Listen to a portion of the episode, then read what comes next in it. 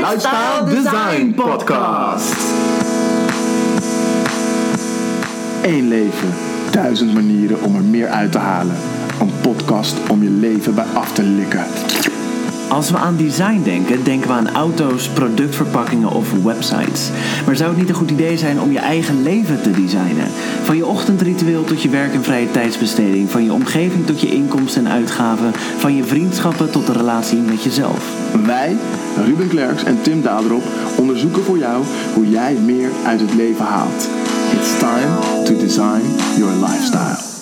We gaan het hebben over het ochtendritueel. Denk daarbij aan To-do-lijstjes maken, iets doen om energie te krijgen, planningen maken, vroeg opstaan, bevestigen en visualiseren, dankbaarheid tonen, affectie tonen, opruimen, stilte. lezen of informatie vergaren. Eigenlijk heb ik eh, jarenlang eh, zonder een actieve ochtendroutine geleefd. Met eh, als enige zekerheid dat mijn dag pas begon na die eerste kop koffie. Ja, dat moet je dus sowieso niet doen. Althans, niet volgens de wetenschappelijk onderbouwde uitleg die ik tegenkwam. Koffie op een lege maag voegt veel zuur toe en is daardoor slecht voor je maag. En bovendien eh, maak je dan cortisol en adrenaline aan. Heb je een hogere hartslag, hogere bloeddruk. Je verteringssysteem stopt en je energie gaat naar je spieren. Dus dan heb je ook geen honger meer, nog voordat je je ontbijt hebt aangeraakt. Wow, ben ik blij dat ik nu geen koffie meer drink in de ochtend. Ehm, Oké, je hebt dus eigenlijk al wel iets gevonden eh, wat je vooral niet moet doen. Zijn daar nog meer voorbeelden van?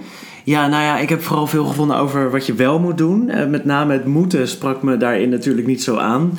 Zo zeggen ze bijvoorbeeld dat als je succesvol wil zijn, dat je dan tussen vijf en zes op moet staan. Ah, nou die kan ik dan weer wel afvinken. Dat eh, probeer ik. Althans, eh, vijf dagen in de week, op de doordeweekse dagen. Oh, wauw. Oké, nou geweldig. Ik zet mijn wekker denk ik toch nog even wat uurtjes later. Eh, andere dingen die ik tegenkwam, niet meteen je telefoon aanzetten, wel meteen je bed opmaken. Waarom zou dat een winnende gewoonte zijn? Je bed opmaken? Ja, nou ja, misschien ben ik ook wel een beetje verliefd op Marie Kondo-achtige ritueeltjes. Maar het is denk ik lekker om je dag opgeruimd te beginnen. Dat je zeg maar naar je bed kijkt en dan denkt... Oeh, kijk eens hoe netjes, hoe braaf ik ben. Wat goed voor mij. Ma Marie Kondo, wie is dat? Dat is die Japanse opruimgoeroe. Die claimt dat je juist maar één keer hoeft op te ruimen als je dat grondig eh, doet. Volgens haar aanpak dus. Oh, oké. Eh, nou, ehm, volgens mij gaat het vooral als het gaat over ochtendroutines om het feit dat je je dag een goede start geeft. Dus het patroon dat je in de ochtend inzet bepaalt ook het patroon van de rest van je dag. Eh, kijk bijvoorbeeld naar eh, snoezen. Als, als mensen be- beginnen eh, met snoezen, dan hebben ze eigenlijk al meteen hun, hun eerste faalmoment van de dag. Want zelfs opstaan lukt je niet. En als je daar tegenover zet dat je bijvoorbeeld elke ochtend begint met koud douchen, heb je juist meteen dat succesmomentje aan het begin van de dag. Maar ik denk wel dat je hier discipline voor nodig hebt. Nou, daarover gesproken. We gaan luisteren naar mijn eh, interview met Avena Koetje. Een vrouw met een Spartaanse ochtendroutine. Dat duurt soms wel drie uur. Nou, hoe ontstaat zoiets en vooral ook hoe hou je dat vol? Dat gaan we nu horen. Deze week spreek ik Avena Koetje, specialist in ijzeren discipline. Ze volgt elke dag haar eigen Spartaanse ochtendregime vol yoga, supergezond ontbijtvoer en meditatieoefeningen. Hallo Avena. Hallo Tim. Hey.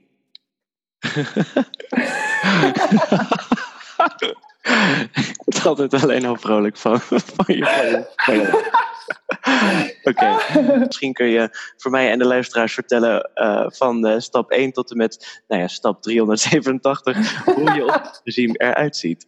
Ja, maak je borst maar nat, want het is nogal een verhaal. Ehm, om te beginnen eh, sta ik op en was ik mijn gezicht. Daarna ga ik pas naar de wc.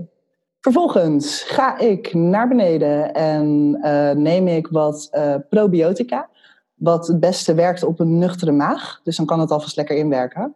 Na de probiotica neem ik wat eh, kokosolie eh, in mijn mond. Ehm, ja, dat schijnt allerlei verschillende eh, werkingen te hebben of goed te zijn voor verschillende dingen. Maar ik gebruik het eigenlijk vooral als tandbleking en ook tegen tandontsteking, dus, tandvleesontsteking eigenlijk. Ehm, en met de kokosolie in mijn mond ga ik zitten voor de Wim Hof methode. Mhm. Ehm, de Wim Hof methode bestaat uit een aantal eh, ademhalingsoefeningen die ehm, ja, me heel veel energie geven en tegelijkertijd ook heel ehm, ontspannen maken. Waardoor ik zo helder ben in mijn hoofd na die oefening dat ik er gelijk een, eh, ja, vaak wel een flinke meditatie aan vastplak. Oké, en dan heb je dus die ademhalingsoefeningen gedaan en de probiotica en alles eh, daarvoor. En dan ben je nu dus een uur plus dat daarvoor ben je, ben je onderweg. En wat is dan de volgende stap? Uh, nou, door die meditatie ben ik vaak wat, uh, wat koud en stram geworden. Ehm, oh ja, ik heb natuurlijk nog steeds die olie in mijn mond, die kokosolie. Na die ademhalingsoefeningen spuug ik die kokosolie uit. Maar na die hele meditatie poets ik mijn tanden omdat ik wel wat uh, stram en koud geworden ben, doe ik mijn yoga-ritueel. Uh, Over het lichaam gesproken, dan ga je daarna ontbijten, denk ik? Nee. oh, daar zijn we nog niet. Nee, ho ho. nee, na de, uh, na de yoga-oefeningen, of na de, ja, al die andere oefeningen ook, uh, neem ik de koude douche. Dan ben ik lekker opgewarmd, ben ik een beetje misschien gaan zweten. En dan uh, komt de koude douche. Dat is een andere uh, stap van de Wim Hof methode. Gewoon even snel koud douchen om die shock te voelen in je lichaam. En dan helemaal onder de douche? Ja, ja dat wel. Ja. Ah!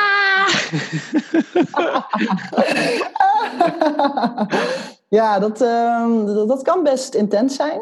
Maar het went het prikt een beetje en het, je krijgt die schok, je krijgt zo'n adrenalinestoot of ik weet niet precies wat het is. En, en dan ga je daarna aankleden? Of, of heb je, ik wil dan naar de volgende stap gaan, maar ik zat te denken, misschien heb je ook tijdens het aankleden nog een uh, bijzonder iets? Um, nee, niet per se. Nee, dat is gewoon, uh, gewoon aankleden en uh, klaarmaken voor het ontbijt. Dan mag ik eindelijk ontbijten. Oké, okay, heel fijn, heel fijn. En hoe ziet dat ontbijt eruit? Um, ik begin met een um, halve citroen in een halve liter uh, lauw warm water. Met een half theelepeltje baking soda. Um, ja, dat is voor, uh, voor mij echt voor allerlei dingen heel erg nuttig gebleken. Dus dat uh, hou ik er heel graag in. Daarna, daarnaast eigenlijk, nee daarna, want dat drink ik eerst. maak ik havermoutpap. Een flink bord havermoutpap met rozijntjes, gevroren vruchten Uh, kaneel, uh, nootmuskaat en uh, rijstkokosmelk. Even goed warm laten worden en uh, nog twee gekookte eitjes. En dan ben ik echt klaar voor de dag. dus nu, daarmee zijn we aan het einde van jouw ochtendprogramma? Ja, klopt. Oh! Oké, okay, en alles appeltje eitje toch? ja, appeltje eitje en een en baking soda. En, en, en, en, en, en. Maar wauw, okay, indrukwekkend. Um, en hoe, hoe lang ben je alles bij elkaar ben je bezig? Um, ja, dat ligt er een beetje aan. Als ik echt, echt alle tijd heb, dan, en ik, ik let zelf dus ook niet op de tijd en ik laat me echt helemaal gaan, dan kan ik soms echt wel 2,5 uur, zelfs wel drie uur bezig zijn. Um, maar ja, laten we zeggen dat ik de tijd vaak wel een beetje in de gaten hou. Dus meestal reken ik zo twee uur voor mijn ochtendritueel. Oh ja, en als okay. ik echt haast heb en als ik echt wel moet opschieten, maar toch nog even wel wat wil doen, dan anderhalf uur zoiets.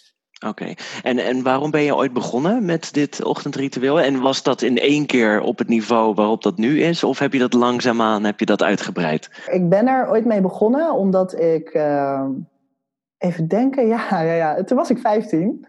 En uh, ik wilde dikkere billen. ja?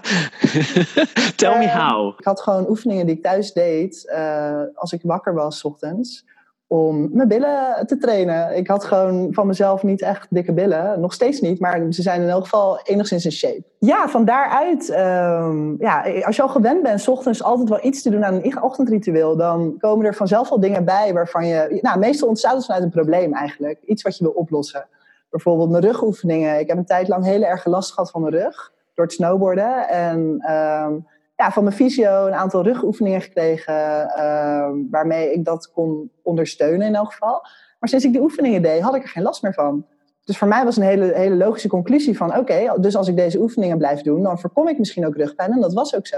Dus eigenlijk is mijn ochtendritueel een aaneenschakeling... van oplossingen van problemen. Maar ja. de ware kunst van het ochtendprogramma zit in het volhouden ervan. Ja, hoe hou je het vol? Ja, het is een kwestie van de juiste gewoontes aanleren. Alles wat net nieuw is in dat opzicht, waar discipline voor nodig is, dat is altijd even lastig. Daarom is het ook belangrijk dat je eigenlijk heel goed uitfiltert wat je echt belangrijk vindt. Weet je, doe geen dingen in je leven waar je half achter staat of waar je niet echt resultaat bij ziet. Of je denkt, nou, het zal wel goed zijn. Nee, want dan gaat het niet werken. Je moet er 100% van overtuigd zijn dat het je echt goed doet. En dat zou je discipline zijn, dat zou je motivatie zijn. Sla jij je ochtendritueel ook wel eens over? En als je dat doet, voel je jezelf dan ook echt een slappeling? Of...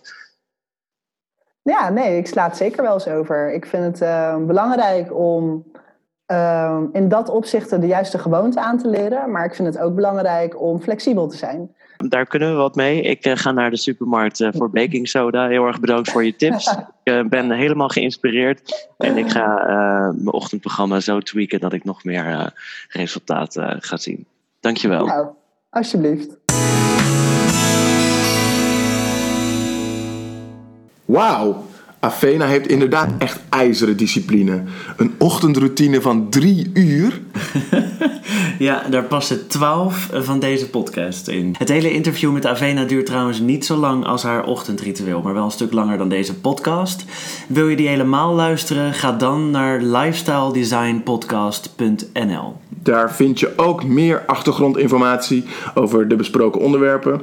Zo staat er een super interessant filmpje over de Wim Hof methode en alle werkingen en bijwerkingen van baking soda. En via diezelfde website kun je ons ook een bericht sturen. Bijvoorbeeld om te laten weten dat je gestikt bent in baking soda, om een vraag te stellen of een suggestie te doen voor volgende afleveringen. En volgende week gaan we met Maarten Lichthart praten over het bouwen van een online bedrijf en hoe dat meer vrijheid oplevert. Tijd is onbetaalbaar. Wel krijg je elke dag helemaal gratis 24 uur de tijd om iets van je leven te maken. Wat fijn dat je luisterde naar de Lifestyle Design Podcast.